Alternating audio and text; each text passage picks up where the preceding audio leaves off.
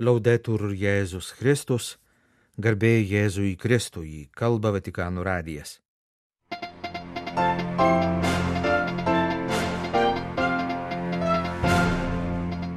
Pirmąją gavėnio savaitę popiežius skirs rekolekcijoms. Mirė kardinolas Sergio Sebastiani. Netrukus prasideda maldos savaitė už krikščionių vienybę. Šiomis dienomis ir Ukrainoje rengiamos ekumeninės pamaldos. Diena prieš maldos savaitę už krikščionių vienybę sausio 17-ąją minima katalikų dialogo su judaizmo išpažinėjais diena. Toliau mūsų laidoje taip pat kalbėsime apie Lenkų misionierius pasaulyje ir supažindinsime su atsivertimo istorija. Hollywoodo aktorius renkasi diekonatą. Popiežius Pranciškus paragino Romoje gyvenančius kardinolus, Romos kurijos vadovus ir vyresniuosius pirmąją gavėnios savaitę nuo sekmadienio vasario 18 popietės iki penktadienio vasario 23 popietės skirti privačiai atliekamoms dvasinėms pratyboms, sustabdyti darbinę veiklą ir susikaupti maldoje. Ta savaitė bus sustabdyta popiežiaus viešoji veikla. Atšaukiama ir vasario 21-osios trečiadienio bendroji audiencija. Antradienį sausio 16 dieną Vatikane buvo paskelbti du popiežiaus pranciškaus potvarkiai, kuriais siekiama geriau apibrėžti Vatikano institucijų išlaidų valdymą ir padidinti skaidrumą viešųjų pirkimų srityje. Pirmojų dokumentu Pranciškus patikslina Šventojo sosto dikasterijų eilinio administravimo tvarką. Nurodoma, kad kiekviena Vatikano institucija privalo gauti ekonomikos sekretoriato prefekto leidimą nepaprastosioms išlaidoms, kurios viršyje 2 procentus bendros metų samatos sumos. Taip pat nustatoma leidimo suteikimo procedūra. Antruoju dokumentu popiežius patikslina ir iš dalies pakeičia jau 2020 metais paskelbtą Vatikano viešųjų pirkimų įstatymą.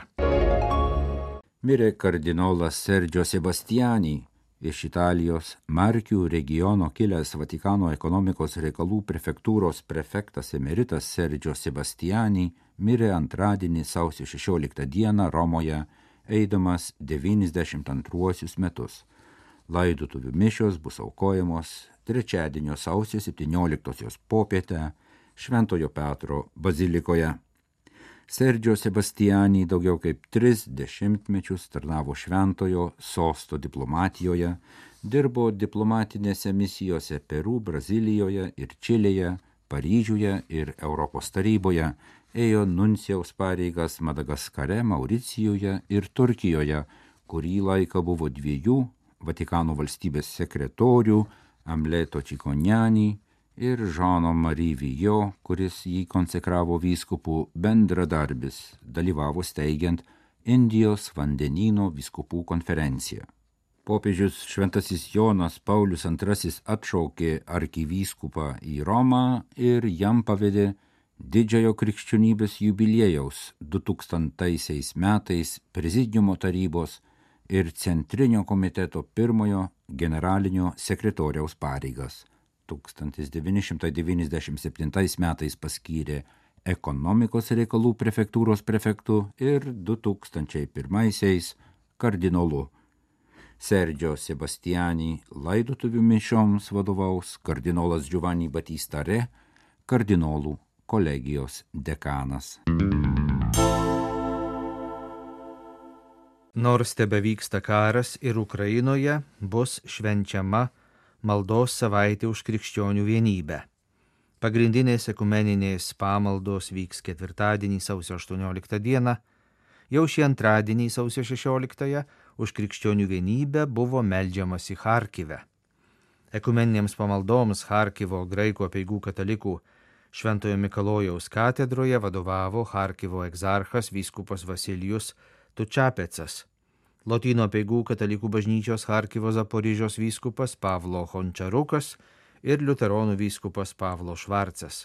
Ekumeninės pamaldos, maldos savaitės už krikščionių vienybę proga Harkive kasmet rengiamos nuo 2015 metų. Pagrindinis šiemetinės maldos už krikščionių vienybę savaitės ekumeninis maldos susitikimas Ukrainoje vyks ketvirtadienį sausio 18 dieną Kyivo graikų katalikų Kristaus prisikėlimo katedroje. Malda bus tiesiogiai transliuojama per televiziją. Ukrainos graiko peigų katalikų bažnyčios tarp religinių ir tarp konfesinių santykių komisijos vadovas kunigas Ihoris Šabanas pažymėjo, kad šios pamaldos bus svarbi proga krikščionims būti arčiau vieniems kitų ir taip pat būti arčiau Jėzaus Kristaus, kuris yra savo vieningos bažnyčios širdis ir pagrindas. Šiemetiniai maldos už krikščionių vienybę savaitėje parengtuose tekstuose daugiausia dėmesio skiriama meiliai tarp krikščionių ir teisingumo paieškoms, nes vienybė neįmanoma be teisingumo, o tai ypač aktualu Ukrainai, kuris siekia teisingumo ir kovoja už teisingą taiką, sakė kunigas. Prieš pat kasmetinės maldos už krikščionių vienybę savaitės pradžią, sausio 17 dieną, kai kuriuose šalyse minima katalikų dialogo su judaizmo išpažinėjais diena. Minėjimas buvo įvestas 1990 metais Italijoje, vėliau prie jo prisijungė ir kitų šalių katalikų bendruomenės. Nuo 1998 metų dialogo su judaizmu diena minima ir Lenkijoje. Šią progą Lenkų katalikų žinių agentūra KAI paskelbė interviu su Lodzės arkivyskupu kardinolu Gžegožu Ryš, kuris savo šalies vyskupų konferencijoje vadovauja katalikų religinio dialogo su žydais komisijai. Krikščionybės negalime suprasti be judaizmo, sakė kardinolas. Giliausia judaizmo dienos katalikų bažnyčioje prasme glūdi Šventojo Pauliaus laiško romiečiams žodžiuose. Žinok, kad ne tu išlaikai šaknį, bet šaknis tave. Judaizmas yra šaknis medžio, į kurį, kaip sako Šventasis Paulius, buvo įskiepyta krikščionybė. Pasak kardinolo, nepakanka žinoti, kad krikščionybė kilo iš judaizmo, bet reikia žinoti, kad judaizmas yra mūsų šaknys. Vokietijos vyskupai, norėdami atkreipti dėmesį į krikščionybės ir judaizmo ryšio svarbą, 1980 metais parengė deklaraciją dėl bažnyčios santykių su judaizmu, kuri prasideda teiginiu, kas sutinka Jėzų Kristų, tas sutinka judaizmą. Šventasis Paulius laiške romiečiams taip pat tvirtina, kad Dievo malonės dovanos ir pašaukimas net šaukiami. Šis sakinys yra labai svarbus, kad mes gerai suprastume, mūsų santykiai su Izraelio tauta. Izraelis tebėra išrinktoji tauta. Dievas niekada net šaukė šio išrinkimo, nes jis net šaukia savo malonės ir pašaukimo. Tačiau bažnyčioje šimtmečiais buvo manoma, kad Dievas atmetė Izraelį. Ir tai akivaizdžiai prieštaravo tam, ką teigia šventasis Paulius. Dievas neatšaukė išrinkimo, todėl Izraelis yra, o ne kažkada buvo Dievo išrinkta tauta. Pasak kardinolo Gžegožo Riš, minėtos dvi citatos iš laiško romiečiams rodo, kodėl mes krikščionys negalime suprasti savęs, savo tikėjimo be judaizmo. Be ryšio su judaizmu neįmanoma suprasti net paprasčiausių krikščionybės savokų. Pavyzdžiui, negalėtume apibrėžti, kas mums yra Velykos, jei negryžtume prie išeimo knygos, prie žydų Velykų, kurios yra esminis Izraelio tautą grindžiantis įvykis. Štai kodėl dialogas su judaizmu yra toks svarbus.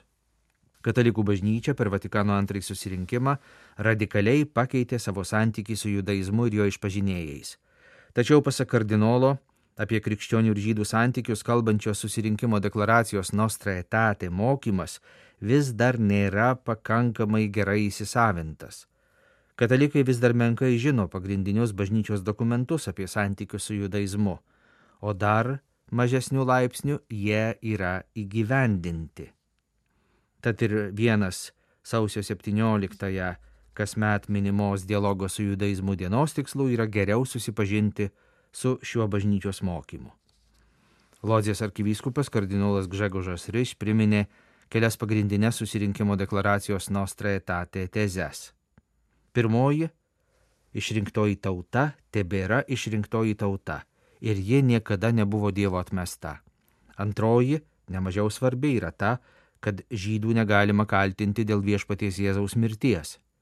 Trečioji, svarbi nostra etate tezė, tai antisemitizmo pasmerkimas.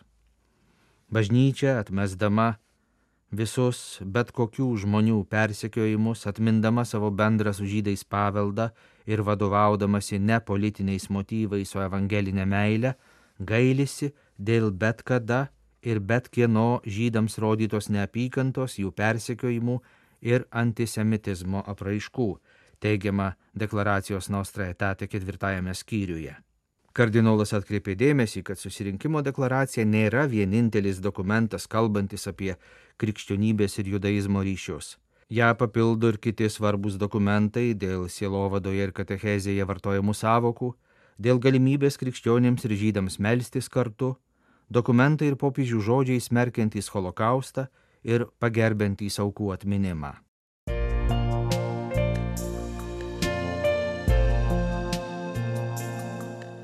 Jūs klausotės Vatikano radio. Tęsėme žinių laidą lietuvių kalba.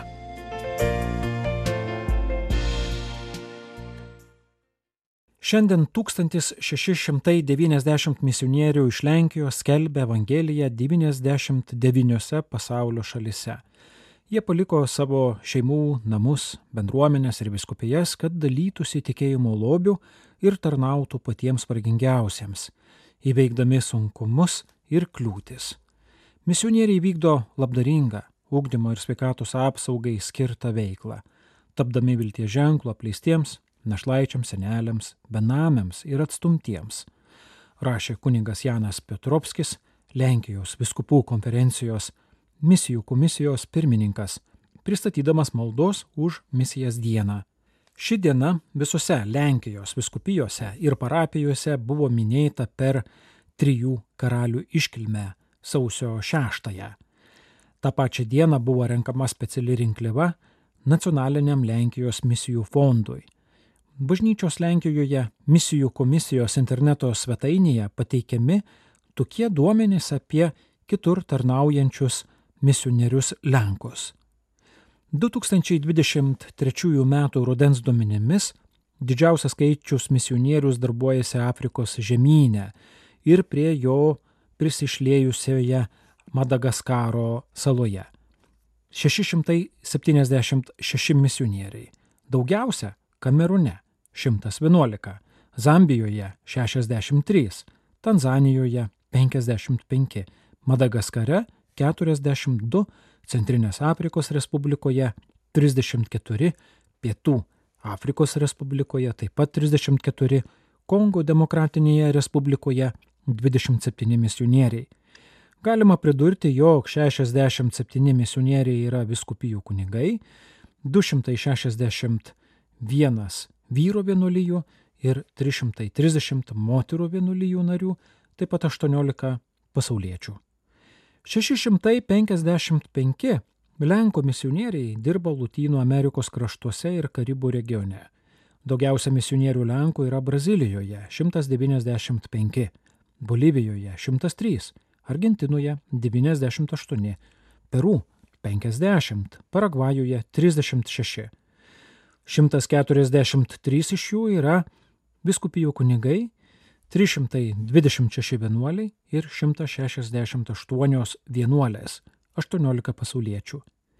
Azijos žemynė dirba 281 misionierius iš Lenkijos, daugiausia Kazakstane 97, Filipinuose 25, Japonijoje taip pat 25, Uzbekistane 15, Taivane 14.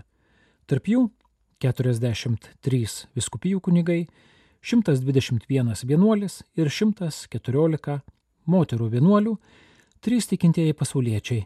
Okeanijos regione dirba 65 misionieriai visi naujojoje Papua Gvinėjoje, 15 diecezinių kunigų, 42 vienuoliai, 7 vienuolės ir vienas pasaulietis. Likusieji 13 misionierių yra Šiaurės Amerikos žemynė - 8 Kanadoje, 4 Alaskoje ir 1 Bermuduose. Tarp jų 4 yra viskupijų kunigai, 8 vienuoliai ir 1 pasaulietis.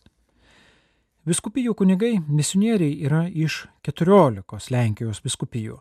Jų yra 44, įskaičiuojant ir 3 graikų apieigų viskupijas. Vyrai vienuoliai iš verbitų, pranciškonų konventualų, saleziečių, palutinų ir pranciškonų kongregacijų. Moteris vienuolės priklauso Marijos misionierių, pranciškonių, šventosios dvasios tarnaičių, elsbetiečių, gailestingumo misionierių, gailestingumo seserų, šventojo Juozapo seserų, Nazareto seserų, nekaltai pradėtosios švenčiausiosios Marijos tarnaičių kongregacijoms. Misijai kitose kraštuose, kitose kultūrose ir vertybinėse sistemose būtina tinkamai pasirenkti kultūriškai, teologiškai, silovadiškai, psichologiškai. Neretai misionieriai vyksta į vietas, kuriuose beveik nėra jokių paslaugų, o sunkių, kartais mirtinų lygų rizika didelė. Jie turi būti pasirengę ir tokiai galimybei. Parengti misionierius yra Varšuvos misionierių formacijos centro užduotis. 2023 metais jame formacijos programą atliko dešimt diecezinių kunigų, du vienuoliai, viena vienuolė ir du pasauliečiai tikintieji. Neseniai amerikiečių aktorius Šie Liubef priėmė sutvirtinimo sakramentą. Jį lydėjęs vienuolis atskleidė aktoriaus troškimą ateityje tapti diakonu. Gimęs mišrioje tėvo kataliko ir motinos žydės šeimoje, 37 metų Hollywoodo aktorius Šie Liubef pernai paskelbęs apie savo atsivertimą į katalikybę, 2023 m. gruodžio 31 d. priėmė sutvirtinimo sakramentą Minnesotos valstijoje, o dabar svarsto apie tapimą diakonu. Žinia paskelbė Vakarų Amerikos kapucinų provincija savo socialiniuose tinkluose. Nors būdamas pakrikštytas, sulaukęs 13 metų, dalyvavo bar mitzva žydų iniciacijos apėgose. Tačiau 2022 metais filme suvaidinęs tėvo Pijaus vaidmenį, netrukus jis paskelbė, kad nori tapti pilnaverčių katalikų bažnyčios nariu. Kapucinų broliai savo žiniose Facebook paskyroje entuziastingai praneša, kad jų brangus draugas Šie Liubef rimtai įžengė į katalikų bažnyčią priimdama sutvirtinimo sakramentą.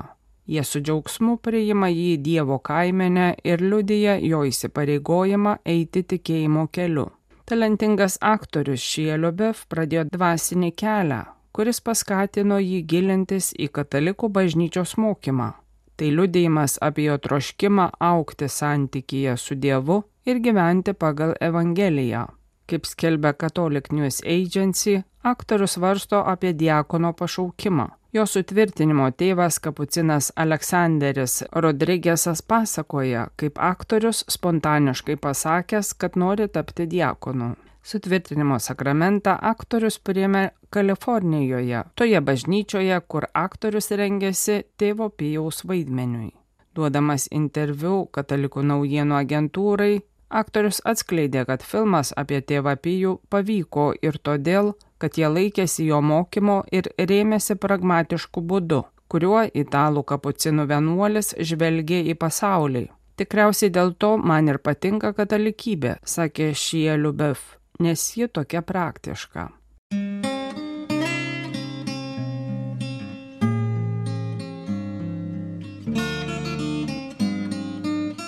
Kalba Vatikanų radijas. Laidą lietuvių kalba baigėme. Garbėjai Jėzui Kristui, laudetur Jėzus Kristus.